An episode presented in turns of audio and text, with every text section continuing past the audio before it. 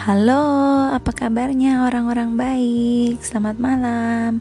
Kembali lagi bersama saya di sini Miss GC di sesi kedua, ep episode kedua saya akan bahas tentang delik dan unsur-unsurnya. Nah, sebelumnya ada yang tahu enggak hmm, apa itu artinya delik?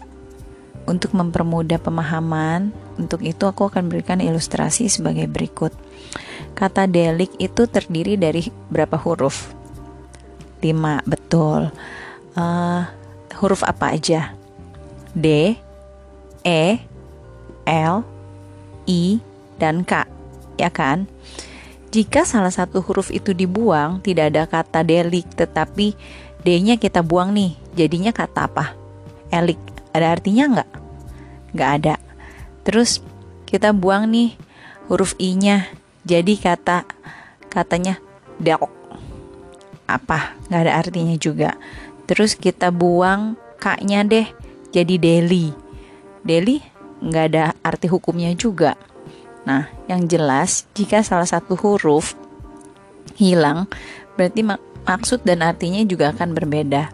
Dengan perkataan lain, kata delik itu terdiri dari lima huruf. Tiap huruf merupakan unsur dari kata delik. Demikian halnya jika diformulasikan kepada hakikatnya delik, misalnya pada delik pencurian. Kata delik itu berasal dari bahasa Latin, yakni delictum. Bahasa Jermannya delik dan bahasa Prancisnya disebut delit. Dan dalam bahasa Belanda disebut delik. Dalam hukum dalam KBBI atau Kamus Besar Bahasa Indonesia, arti delik diberi batasan sebagai berikut. Delik adalah perbuatan yang dapat dikenakan hukuman karena merupakan pelanggaran terhadap undang-undang tindak pidana. Jadi, menurut Profesor van der Hoven, rumusan tersebut tidak tepat karena yang dapat dihukum bukan perbuatannya, tapi misalnya. Dan menurut Profesor Muljanto, ia memakai istilah perbuatan pidana atau kata delik. Jadi menurut uh, Prof Muljanto, kata tindak lebih sempit cangkupannya daripada perbuatan. Kata tindak tidak menunjukkan pada hal yang abstrak seperti perbuatan, tapi hanya menyatakan keadaan yang konkret. Nah, tidak ada suatu perbuatan boleh dihukum melainkan atas kekuatan aturan pidana dalam undang-undang yang telah ada sebelum perbuatan itu dilakukan. Itu ada di dalam pasal 1 ayat 1 KUHP. Dalam hal ini yang dikatakan oleh oleh salah satu salah satu para ahli hukum yang bernama Van Hetum bahwa perbuatan dan orang yang melakukan sama sekali tidak dapat dipisahkan. Nah, pengertian delik beberapa delik uh, menurut beberapa para ahli hukum seperti Falls, Van Hemel dan Simons, tapi saya akan bahas menurut Simons.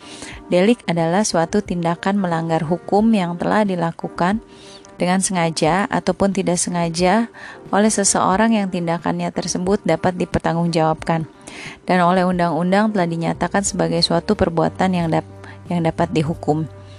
Barang siapa mengambil sesuatu barang yang seluruhnya atau sebagian kepunyaan orang lain dengan maksud hendak memilikinya dengan melawan hukum di, akan dihukum karena bersalah tentang pencurian. Jadi ketentuan di atas itu adalah unsur-unsur pencurian yaitu barang siapa mengambil sesuatu barang. Barang itu seluruhnya atau sebagian kepunyaan orang lain dengan maksud memilikinya dengan melawan hukum. Seperti itu, guys.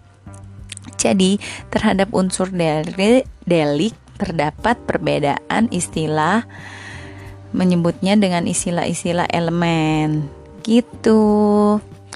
Jika ada yang bingung, ada yang mau ditanyakan, silahkan message ya. Bye, see you all. Stay healthy.